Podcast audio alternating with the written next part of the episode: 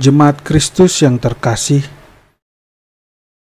renungan untuk kita malam ini berjudul Satu-satunya.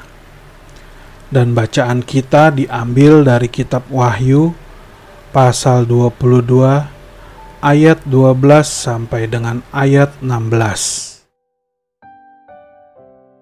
Beginilah firman Tuhan. Sesungguhnya aku datang segera dan aku membawa upahku untuk membalaskan kepada setiap orang menurut perbuatannya. Aku adalah Alfa dan Omega, yang pertama dan yang terkemudian, yang awal dan yang akhir. Berbahagialah mereka yang membasuh jubahnya.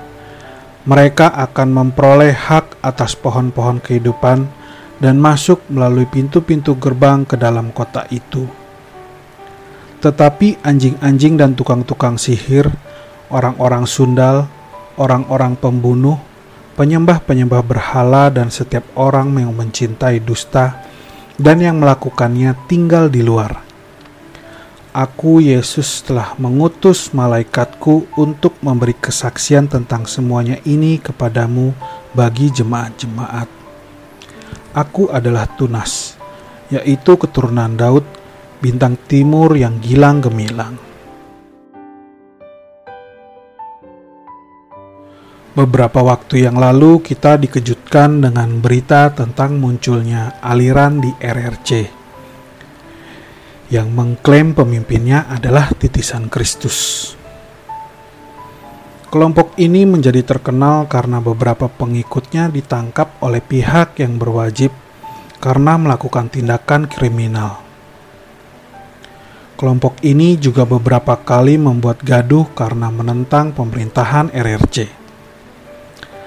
Rasanya kelompok seperti ini sudah semakin banyak dan semakin bervariasi.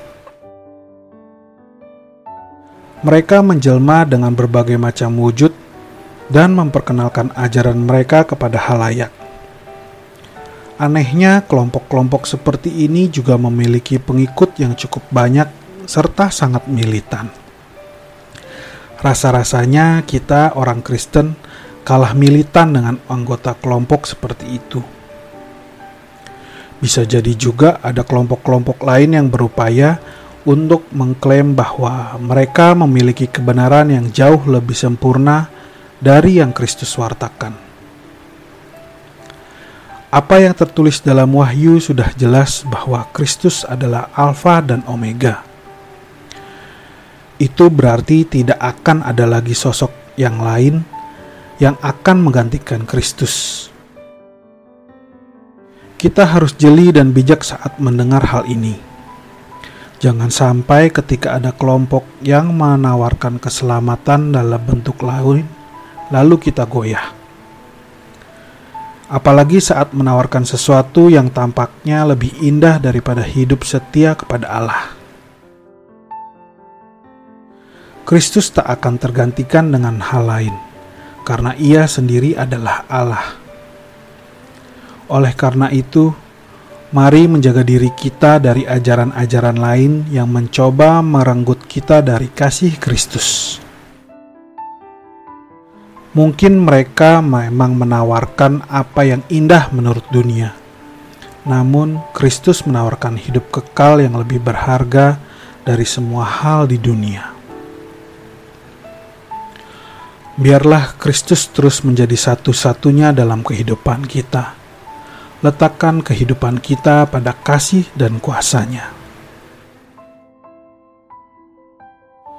Demikianlah renungan malam ini Semoga damai sejahtera dari Tuhan Yesus Kristus tetap memenuhi hati dan pikiran kita. Amin.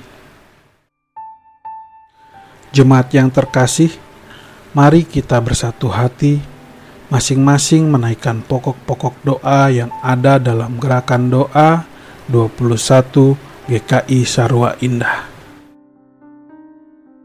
Mari kita berdoa.